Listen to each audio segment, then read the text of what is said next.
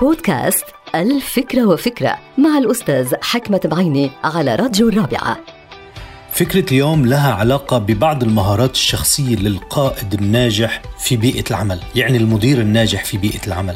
هناك مهارات متعددة فيها المهارات التنظيمية والقدرة على التواصل الإيجابي وأيضا الذكاء العاطفي والتعاطف مع الآخرين.